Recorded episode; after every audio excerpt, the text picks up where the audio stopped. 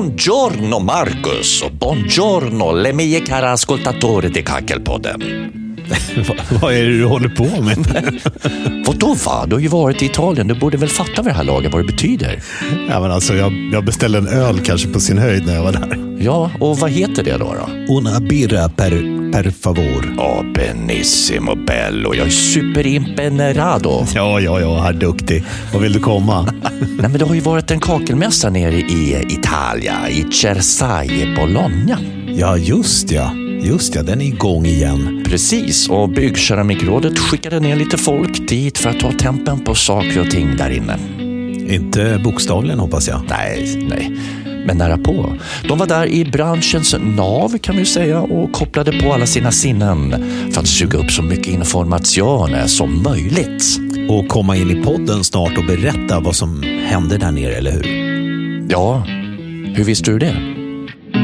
Ja, det var ju svårt att lista ut. Du är ju som en öppen bok, Leif. Okej, okej, okej. Jo, det ska de, fast det... det... Nej, men... Alltså ursäkta, vad gör du här? Det här är väldigt otajmat. Hallå? Tjena Gitte! Ja, ja, ja, hej Daniel, men vad gör du här nu? Vi håller ju på och poddar här. Ja, men jag tyckte jag skulle komma in och störa, för ni är alltid så trevliga. Ja, vad roligt. Vad har du på hjärtat då? ja, men du vet ju att vi jobbar ju mycket med teknisk support här på Byggkeramikrådet, så att, eh, vi får mycket samtal. Eh, så jag tänkte så här, att vi skulle köra en ny programpunkt lite grann här i podden. Lite nu och lite nästa och kanske nästa, så får vi se var det landar. Som en följetong tänker du då? Som en eh, följetong, en poddföljetong. Vad sägs om den? Alltså du är så påhittig, men du Marcus, är det okej för dig att han kommer in och tar initiativ och på något sätt eh, kör in nya programpunkter helt sådär bara? Helt okej, helt okej Daniel. Det är bara att köra på. Ja, men då är det bara för er att, känna er helt överkörda nu. Nu bestämmer jag här. Så här ska det vara. All right, du är på offensiven märker vi. Vad ska det handla om? Ja, jag tänkte så här, en av frågorna som vi får in lite nu och då hela tiden, det är ju det här när man som hantverkare får ta emot reklamationer. Vad ska man tänka på då? Mm, då ska man tänka till i alla fall. Man ska tänka till. Och många hantverkare är ju bra på det sättet att de är ju måna om sitt rykte. De vill ju ta hand om det som inte har blivit helt hundra, så att säga. Just det. Men man ska ändå göra som du säger. Man ska tänka till, för annars kan det bli så väldigt fel. Har du några exempel? Någonting taget ur vardagen? Jajamän. Och det är just det här. En hantverkare ringer mig. Vad kan det vara? Åtta, nio månader sedan just nu då, i det här fallet. Han har byggt ett badrum. Det visar sig att det händer olika saker i badrummet som inte var något bra. Det var inte bra. Men, eh, alltså det positiva, han vill ju göra rätt för sig. Han river hela badrummet, han bygger upp det igen. Men samma fel uppstår igen. Han kanske skulle ha lugnat sig lite grann. Tagit reda på det som, de här grejerna vi ska snacka om lite grann här. Istället för att bara kasta sig in i badrummet, riva allt och göra om. Och det visar ju sig att det var ju inte den här hantverkarens fel. Han skulle ju inte ha tagit den här reklamationen. Mm, Okej, okej, så det är inte bara att köra, bara, köra, bara. Nej, absolut inte. Man måste tänka till. Och det var lite de här grejerna som jag tänkte att vi skulle kunna ta upp och, och ta lite kanske idag och lite nästa gång faktiskt. Mm. Okej, ska vi ta och öppna dörren till någonting mer konkret då, då så får det bli nummer ett i våran följetong? Ja, men jag tänkte det. Jag tycker eh, vi kan börja med den här tanken lite grann. Många jobbar ju ändå mot konsumenter, privatpersoner. Och då är det ju konsumenttjänstlagen som, som gäller där. Det vet ju säkert de allra flesta. Eh, och då tänker jag så här. Alltså en reklamation, vad är det för det första? Jo, man får ju kunden beställa en påtal att någonting är fel, så att säga. Så kan man grundläggande säga.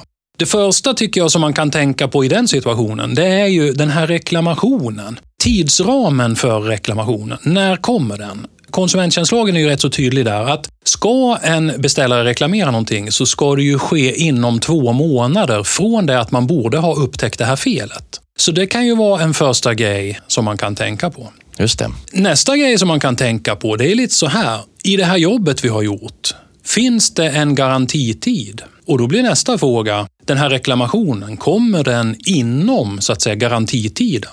Eller kommer den efter garantitiden? Och hur lång är en garantitid i snitt? Det, är ju, det ena är ju att det är en förhandlingsfråga, så det kan ni styra i ert avtal om det inte gäller det som vi kallar småhusentreprenad. Alltså att du gör badrummet hos en kund i hans eller hennes nya hus. Då blir det automatiskt minst en tvåårig garantitid enligt konsumenttjänstlagen. Men även i vanliga jobb, så att säga, ett renoveringsarbete, där finns inte i lagen en tvingande garantitid, men där kan man ju avtala om en garantitid om man vill. så att säga. Vi har ju tidigare pratat om vikten av att upprätta ett avtal innan man påbörjar en beställning. Och, men om man råkar missa just den här punkten, då är det inte nödvändigtvis två års garantitid som gäller enligt konsumenttjänstlagen. Nej, precis. Enligt konsumenttjänstlagen i vanliga renoveringsarbeten så finns det faktiskt ingen garantitid överhuvudtaget. Mm. Utan då får man avtala den, så att säga.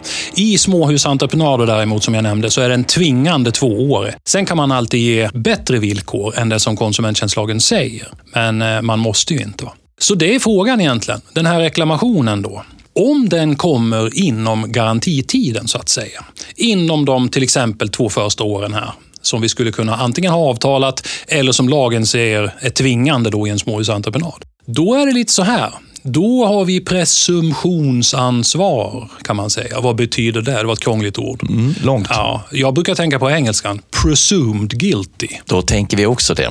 Ja, och då blir det lite så här att eh, egentligen så kan den här konsumenten, kunden, reklamera vad som helst. Vad för elände som helst. Och du antas vara skyldig, skulle man kunna säga. Så du ska bevisa din oskuld som entreprenör. Och då brukar man kunna säga så här att man ska antingen då visa att det här inte är ett fel. Det kanske bara är ett tyckande.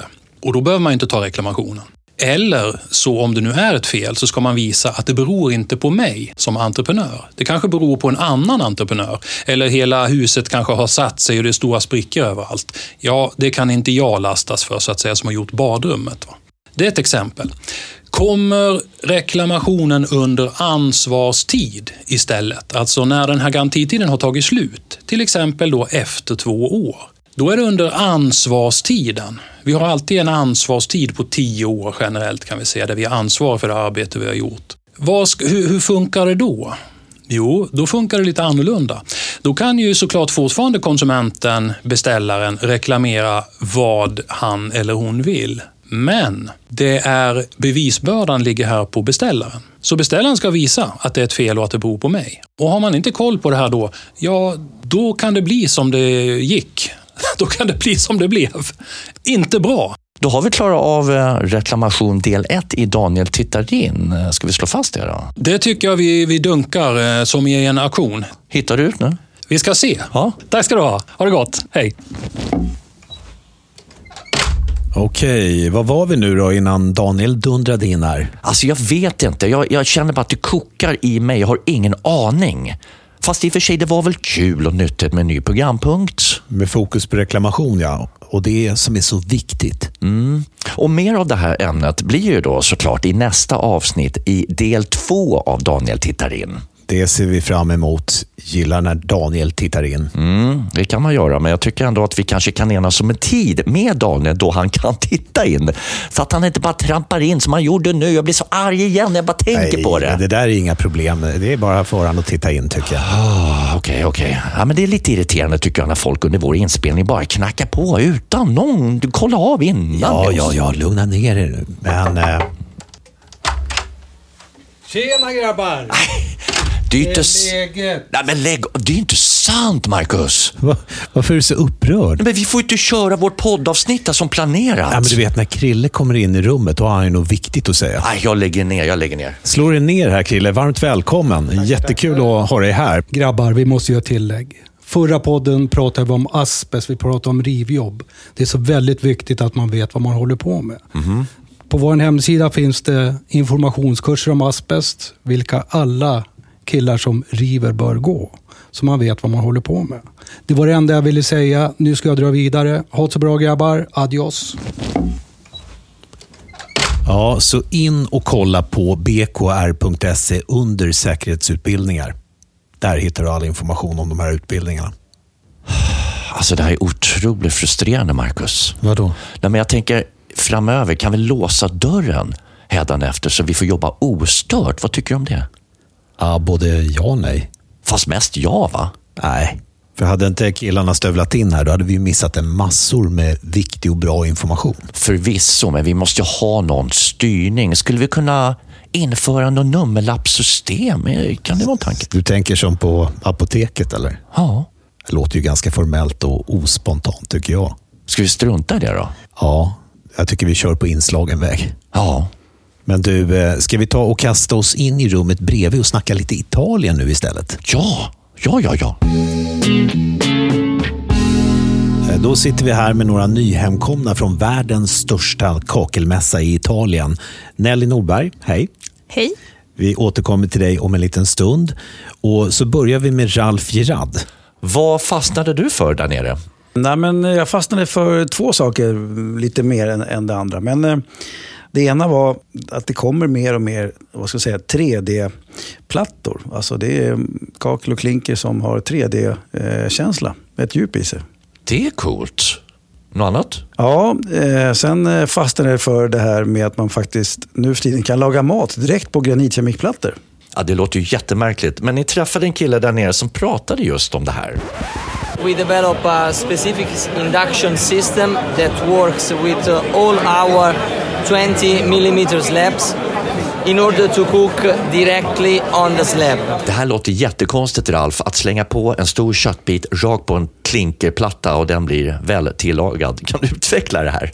Ja, ja nej men eh, det har ju kommit lite fler och fler leverantörer. Från, från början så kanske man visade upp det här för en 5, 6, 7 år sedan. Men nu är det lite mer etablerat. Nu är det ju så, nej men vi såg nog en 7, 8 olika varianter på det här. Men i princip så är det så att det, det ligger ett par, eller det sitter underlimmat på ett par granitkeramikplattor.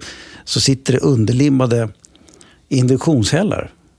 Alltså un under själva den här plattan som kan vara två centimeter. Ja, exakt. Men den måste ju gå på absolut högsta tänkbara värme för att den ska ta sig igenom plattan upp och värma den kastrull som står där. Ja, nej, det gör det nog inte. Jag vet inte exakt hur det funkar, hur pass hög temperatur det är. Så. Men eh, en grej som också imponerade mig det är att du, du kan liksom inte bränna dig. Så att du kan lägga handen på det här. Eh, däremot så kan man säga att de här kastrullerna och i vissa fall eh, stekpannorna, de har en lite speciell botten.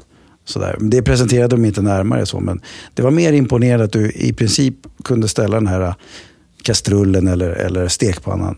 Det ser ut som att du ställer den precis var som helst, men håller den precis på rätt plats ovanför den här eh, induktionsplattan, så då börjar det koka och det börjar fräsa i pannan. Och så. Mm. Ja, utvecklingen går framåt, Marcus. Ja. Nelly Norberg, du är ny på Byggkeramikrådet. Superkul. Berätta kort vem du är.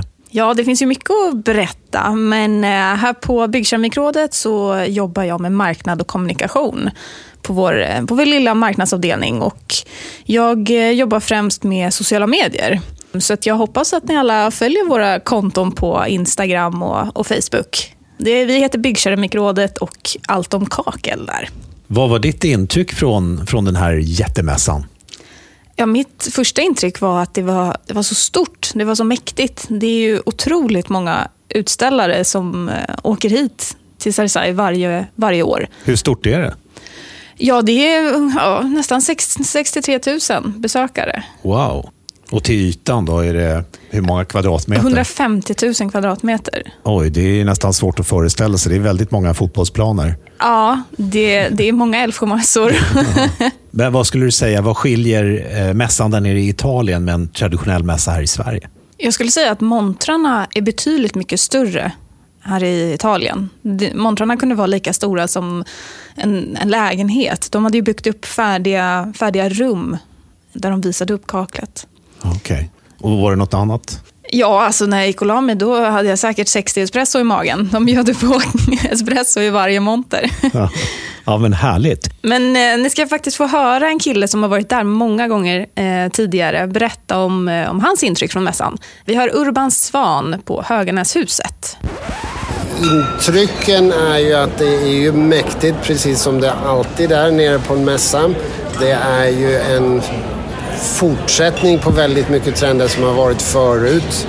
Utseendemässigt befinner vi oss mellan Seppo Degré till cement. Väldigt mycket i den gråa skalan men även lite grann nu mot den, den beigea skalan. Fortsättning på väldigt mycket marmor, slabs, storformat. 7,5-30 eh, kakelplattor i, i en väldig massa olika färger och en, en hel del blommönster, tapetliknande. En kort, kort summering av mässan i år. Kul och intressant att höra en person som har varit där nere så många gånger. Ja, absolut. Och Det har en annan kille också varit, nämligen Martin Palmqvist på Tebo, som jag också pratade med. Just nu är vi i eh, hall eh, 31 där verktygen, eller de flesta verktygsleverantörer är. Där har vi bland annat eh, Sigma, Montolit, Siri, Ruby. Det vi kan se lite från mässan är att eh, på kakelskärare så lanseras det en helt, flera olika nyheter från de flesta tillverkare. Just nu är vi hos Montolit och de har sin P5-serie. Och vi har varit hos Sigma och tittat, de har sin Eh, 4-serie. Och vi har även varit borta och tittat hos Ruby som visar lite hur man kapar 2 cm plattor. Det vi kan se, bara förutom att det är nya modeller, det är att vi går mer mot ett push-tänk med storformaten istället för pull på kakelskärare. Vilket gör det ergonomiskt bättre och förenklar. Vi kan se att både Sigma och Montolit, framförallt Sigma som har haft mycket pull historiskt, går mycket mot push och utvecklat väldigt, en väldigt fin serie där och eh, helt nya handtag med nya knäckfunktioner. Vi kan också se mm, från mässan, det är mycket sådana här piedestalsystem för de här 2 cm plattorna utomhus framför allt. Även med regelsystem där vi kan, man kan regla upp.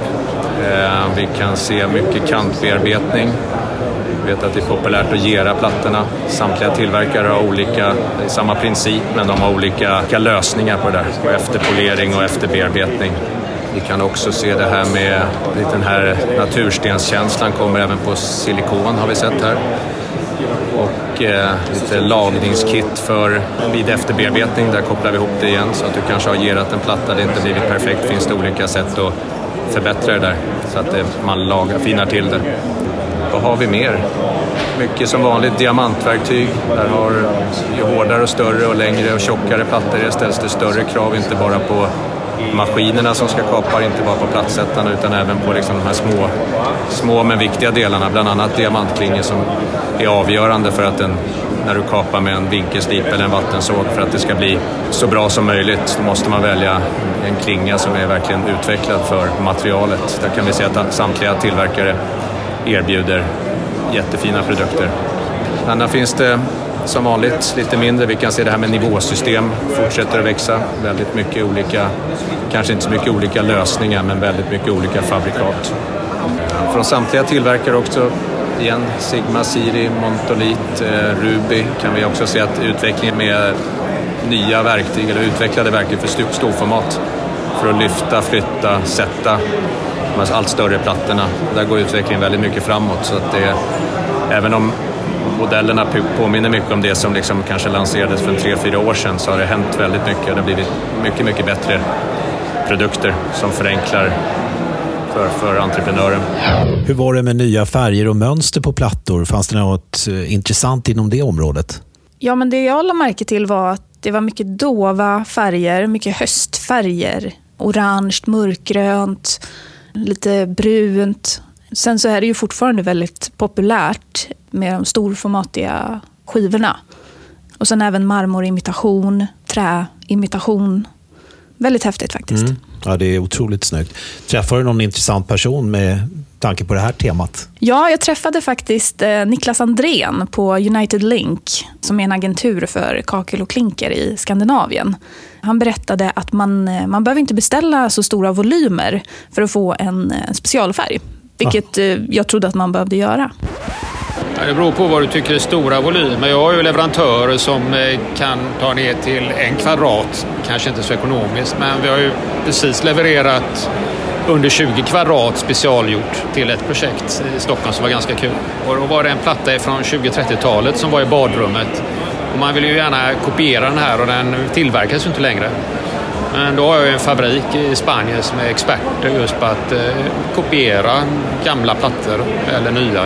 Så vi eh, tog fram en exakt kopia av detta som godkändes då av museer och andra nämnder. Man behöver absolut inte ha 5000 kvadrat, det går med betydligt mindre. Om man hittar rätt leverantör vill säga. Stort tack Nelly för att du bjöd oss på lite härliga röster från världens största kakelmässa. Tack.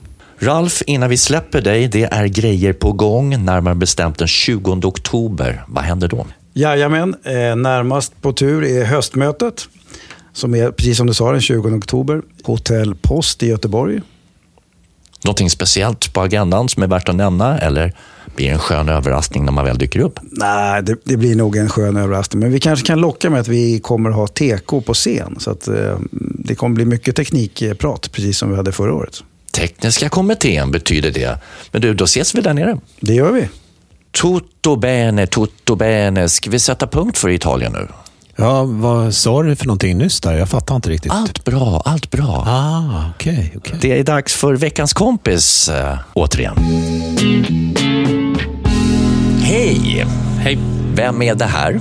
Det är, mitt namn är Pietro Tacchi. Och du har varit med om någonting tillbaka i tiden som inte riktigt gick som du hade tänkt dig. Berätta. Ja, precis. Jag hade fått i uppgift att äh, göra våtrumsskydd och klä badrummet och kakel. Och samtidigt så kom det ett extra jobb. Det var att limma fast gipsskivor på golvet. Okay. Eftersom det var en vattenburen värmare golv. Just det. Och eh, då tyckte chefen att vi kunde göra det under fredag, lördag, söndag. Helgjobb! Skulle, ja, precis. Det var extra jobb. Det var bra. Ja. Så ja, vi gjorde jobbet som det skulle. Vi limmade alla, alla skivor och, och så vidare. Så gick vi hem. Och eh, tidigt på morgonen så vi, vi var på jobbet typ kvart i sju. Så var det en kille som var typ lite tidigare än oss. Okej. Han... Eh, Ja, han tyckte att han skulle börja jobba och så tyckte att, han, att skivorna inte satt riktigt åt. Så han kom ner och sa, du jag har skruvat alla skivor där, där uppe så nu, nu sitter de fast. och ni hade ju inte kommit riktigt ännu då? Han Nej, hade vi hade inte ens gått in i, i själva arbetsplatsen. Nej. Så jag bara tar mig för huvudet och bara, nej, nej, nej. Och så tittar jag upp när jag, när jag går in i, i fastigheten och så tittar jag uppåt och ser hur vatten börjar rinna från taket. Nej! och så var det, det var kaos, kaos. Jag tog mig huvudet jag bara, jag, jag bara ringde chefen bara, du, du måste komma hit. Ja, är det någonting? Nej, du får komma hit och titta själv. Och hur lång tid tog det att åtgärda det där? Ja, det tog ungefär två till tre veckor. Ja. Och det var all material, allting som skulle kastas och så vidare. Ja. Så ja, det, det, det var förskräckligt. Kul minne så här i efterhand. Ja, nu ja. nu kan man skratta. Då ville man inte skratta. Då var det riktigt illa. Ah, jag älskar veckans kompis. Det kan ju vara så att du som lyssnar sitter på någon härlig episod som du skulle vilja dela med dig av i Kakelpodden. Hör av dig då för guds skull. info at bkr.se. Info at bkr.se. Och där kan du för övrigt också skriva om du vill höra någonting särskilt det kan ju vara ett ämne som du är intresserad av, som du vill att vi djupdyker i.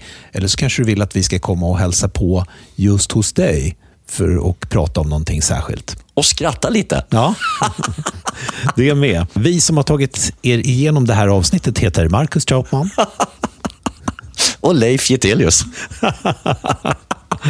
ja, vi säger väl som plattisen Janne. Ja, satt platta sitter.